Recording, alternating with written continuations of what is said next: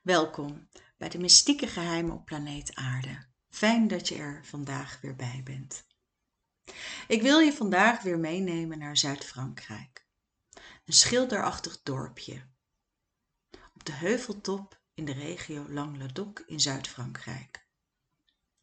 Genaamd Rennes-le-Château. Een typerend dorpje, net als vele andere. En normaal gesproken niet te onderscheiden. Maar deze locatie is de basis geworden voor een groot aantal samensweringstheorieën en mysteries. Aan het einde van de 19e eeuw zou hier een mysterieus verhaal beginnen dat talloze boeken en films heeft geïnspireerd en het kleine dorp op de kaart heeft gezet. Ga je met me mee? Het verhaal draait om een katholieke priester pater Francis Bernière Saunière die aan het einde van de 19e eeuw in het dorp werd geplaatst als pastor van de kleine kerk van Sainte Marie Magdalene. Op slechts 33-jarige leeftijd was Saunière jong ijverig en misschien zelfs een beetje te charmant. Hij predikte tijdens de Franse verkiezingen van 1885 maar dat waren de minste geruchten over deze raadselachtige man op het moment dat Saunière voor het eerst in Rennes-le-Château aankwam was het een achterbuurtdorp met arme buren. De kerk was vervallen met kapotte ramen gebarsten afgebladerde muren een lekkend dak en een verwilderd terrein. En Saunière zelf die was verre van rijk. Hij leefde een leven in armoede net als vele anderen in het dorp en hij ontving zoo goed als geen salaris van de kerk. Hij stond bekend dat hij behoorlijk diep in de schulden was tegen de tijd dat hij aankwam. En hij woonde noodgedwongen met een van zijn parochianen in een piepklein hutje vlakbij het kerkterrein. Op een bepaald moment dacht Saunier het is genoeg er moet iets gebeuren en hij begon met grote inspanning donaties in te zamelen om de vervallen kerk te renoveren. De kerk begon wat meer respectabel aanzien aan te nemen naarmate de inspanningen vorderden. Maar op een bepaald moment begon Saunier plotseling grote hoeveelheden geld uit te geven voor een enorme grote opknapbeurt de heele kerk kreeg een nieuwe vloer. Muren werden vervangen en nieuwe pilaren en altaars werden geïnstalleerd. En een beeldhouwer met de naam Chisard van Toulouse kreeg de opdracht om de kerk te versieren met talrijke beelden en grote schilderijen tegen hoge kosten. De bedragen die hij plotseling aan bouw opknapbeurt en renovatie uitgaf waren veel meer dan verwacht zou worden van slechts donaties en aalmoezen van de straatarme dorpelingen. Ook kocht hij groote stukken land. Hij liet een uitgestrekt landgoed maken voor zijn woning de villa Bitania compleet met een zwembad en een privé dierentuin. Er werden verschillende nieuwe gebouwen op het terrein gebouwd zoals de groote toren genaamd de tour de Magdela en het leek allemaal uit het niets te komen uitspattingen van wilde feesten het kon niet op. Notabelen uit parijs liepen in en uit. En er waren geruchten heel veel geruchten. Want men had hem gezien s nachts bij de begraafplaatsen en op het platteland. Bij het flikkerende licht van een kaars zocht hij naar iets. Hij was aan het graven. En het duurde niet lang of men fluisterde geruchten dat de priester een soort schatkaart had gevonden binnen de muren van de kerk. En dat hij een enorme hoeveelheid aan rijkdom had gevonden die ergens was verborgen. Immers hoe had hij in zoo'n korte tijd zooveel geld kunnen uitgeven? Zijn wonderbaarlijke uitgaven en rijkdom bleven ook niet op onopgemerkt voor de kerk volgens hen was er maar één mogelijke verklaring en dat was dat de priester zich bezig hield met illegale praktijken van het verkoopen van missen volgens de kerkelijke leer mocht een priester drie missen per dag opdragen waarvoor ze toestemming kregen om een kleine vergoeding te ontvangen voor gevraagde gebeden voor de doden. Maar de kerk kwam tot de conclusie dat had zoveel geld verdiend, hij had waarschijnlijk duizenden ongeoorloofde missen opgevoerd, waarvan hij de meeste daadwerkelijk niet had uitgevoerd. Aldus de kerk.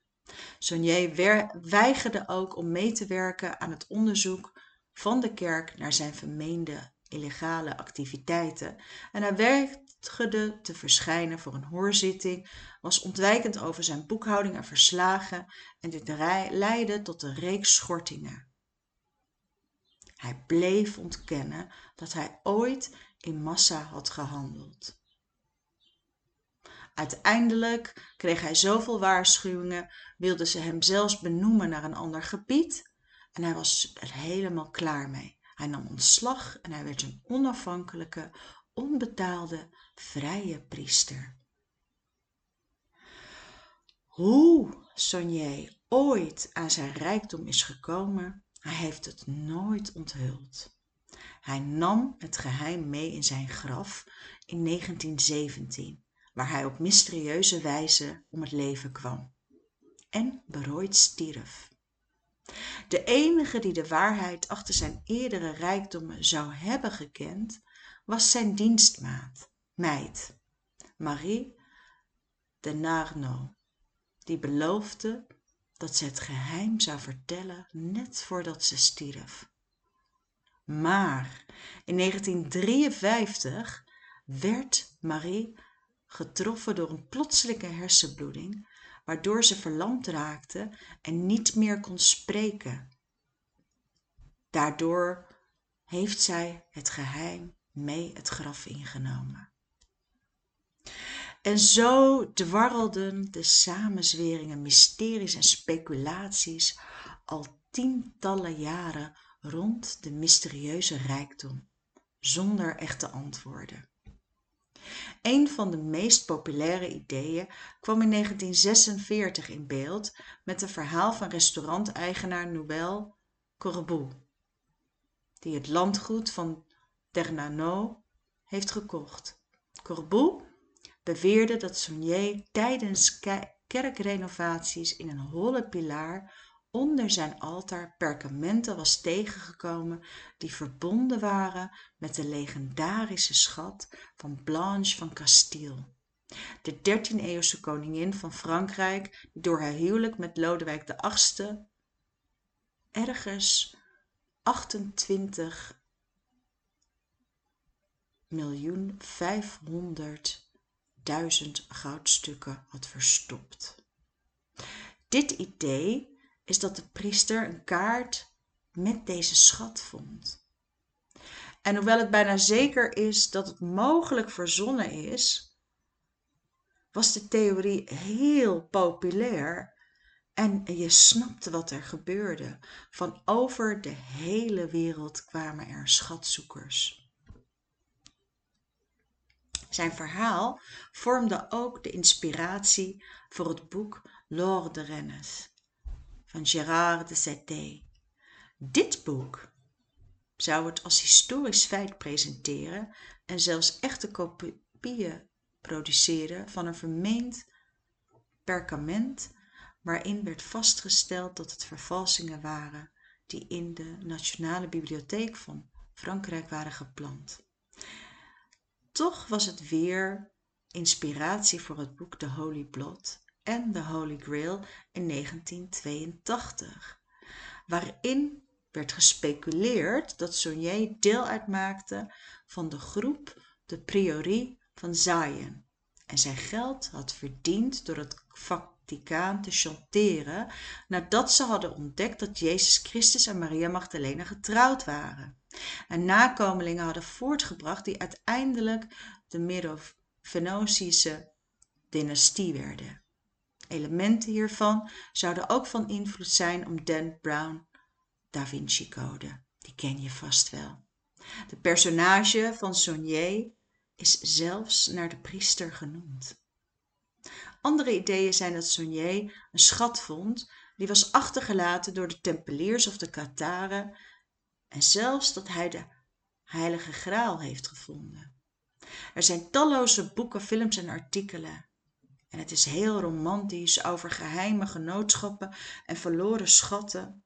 Maar hoe dan ook, we weten het nog steeds niet. Er is geen bewijs. Niemand weet het.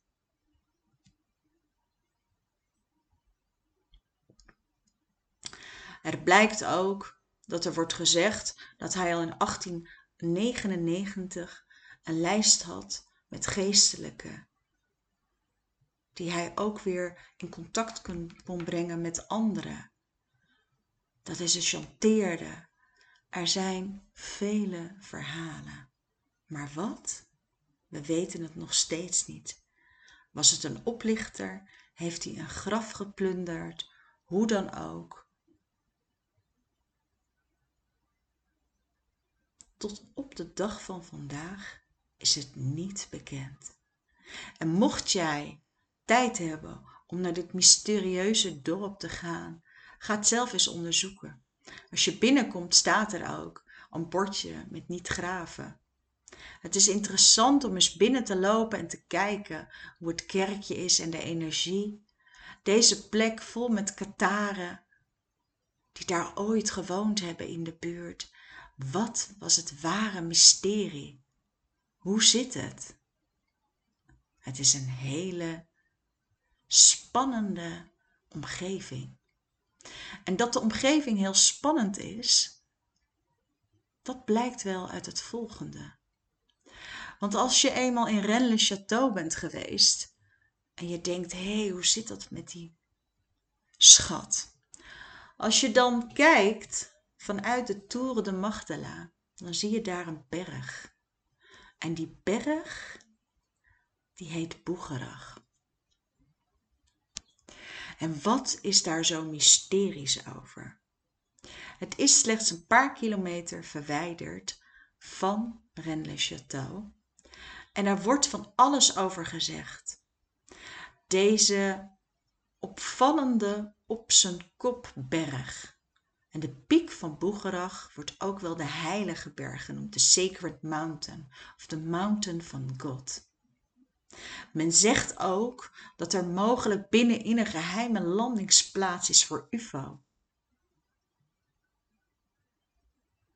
En zoals ik je net al aangaf, die mysterieuze pastoor die die toren heeft gebouwd, met het uitzicht op de berg, de kerken en de heiligdommen zijn allemaal met elkaar verbonden via heilige geometrische vormen, waarmee ze rechtstreeks een kopie zijn van het heilige land Israël.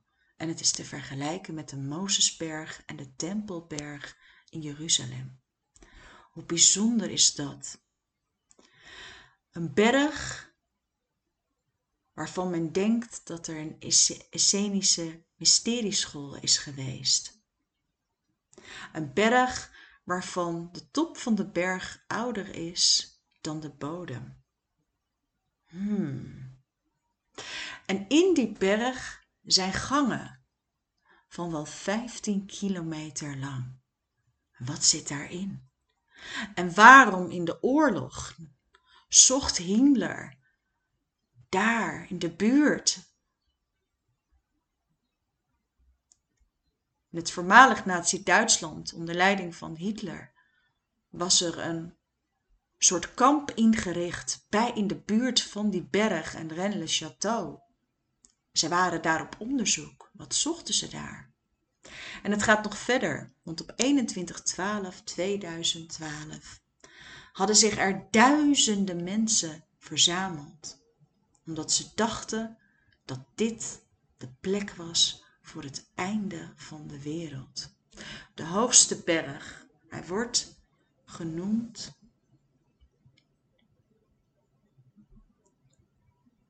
dus de Mountain of God. En wat zo interessant is, dat Steven Spielberg heeft zijn Close Encounters of the Third Kind geïnspireerd op Boegerag. Maar ook The Journey to the Center of the Earth van Jules Verne heeft te maken met deze berg. De berg is 1230 meter En hoe zit dat nou? Volgens geologen is de berg ooit geëxplodeerd en toen op zijn kop teruggevallen. Dat is een hele aparte.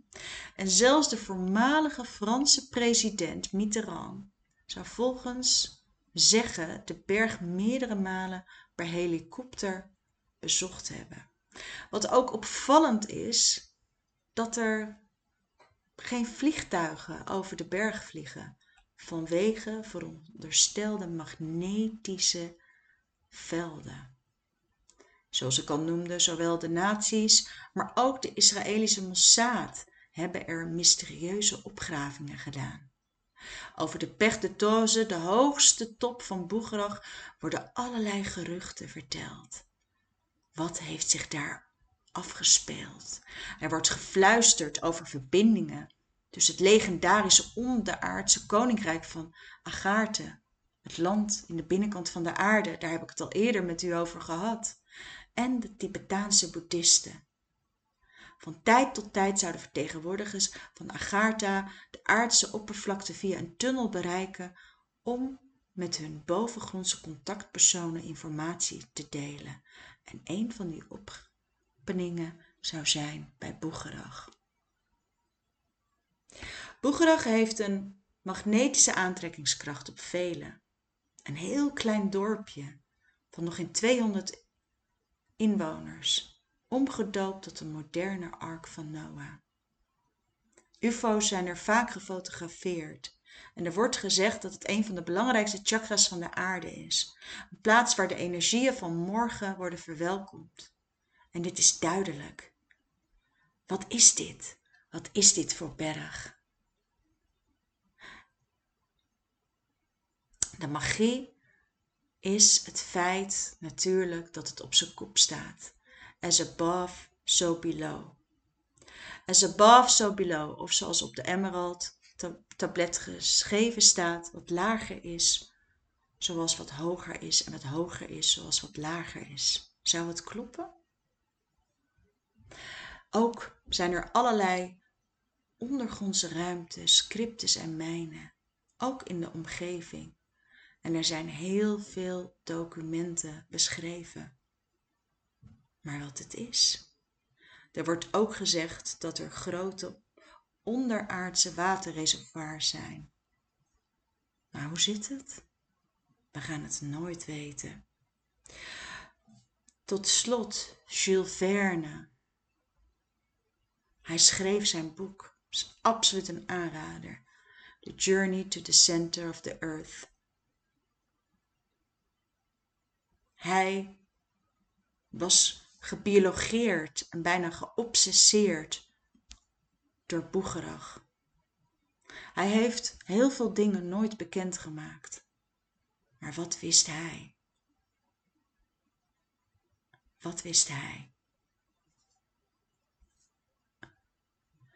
Deze berg is een berg die ik zelf binnenkort ook weer ga bezoeken. Ik ga onderzoek doen. En ik ga jullie laten weten wat ik ervaren heb. Ik ga jullie op de hoogte houden van mijn reis naar Rennes-le-Château, maar ook naar Boegerag. Ik ga het jullie vertellen. Dit, zo'n bijzondere plek met zoveel mystiek Misschien ga ik ook wel een UFO zien. Of misschien ook helemaal niet. Oh ja, Nostradamus kwam ook uit diezelfde plek. Bijna om de hoek. En zoals ik al zei, Steven Spielberg en anderen lopen er vaak in de buurt rond. Dus, wat is dat nou met die omgekeerde berg? Hoe zit het? Gaan we het weten? Geen idee. Maar ik beloof jullie dat binnenkort kom ik terug en doe ik verslag van mijn persoonlijke reis. Voor nu wil ik je bedanken voor het luisteren. Mijn naam is Patricia Mensink en je hebt geluisterd naar de mystieke geheimen op planeet aarde dag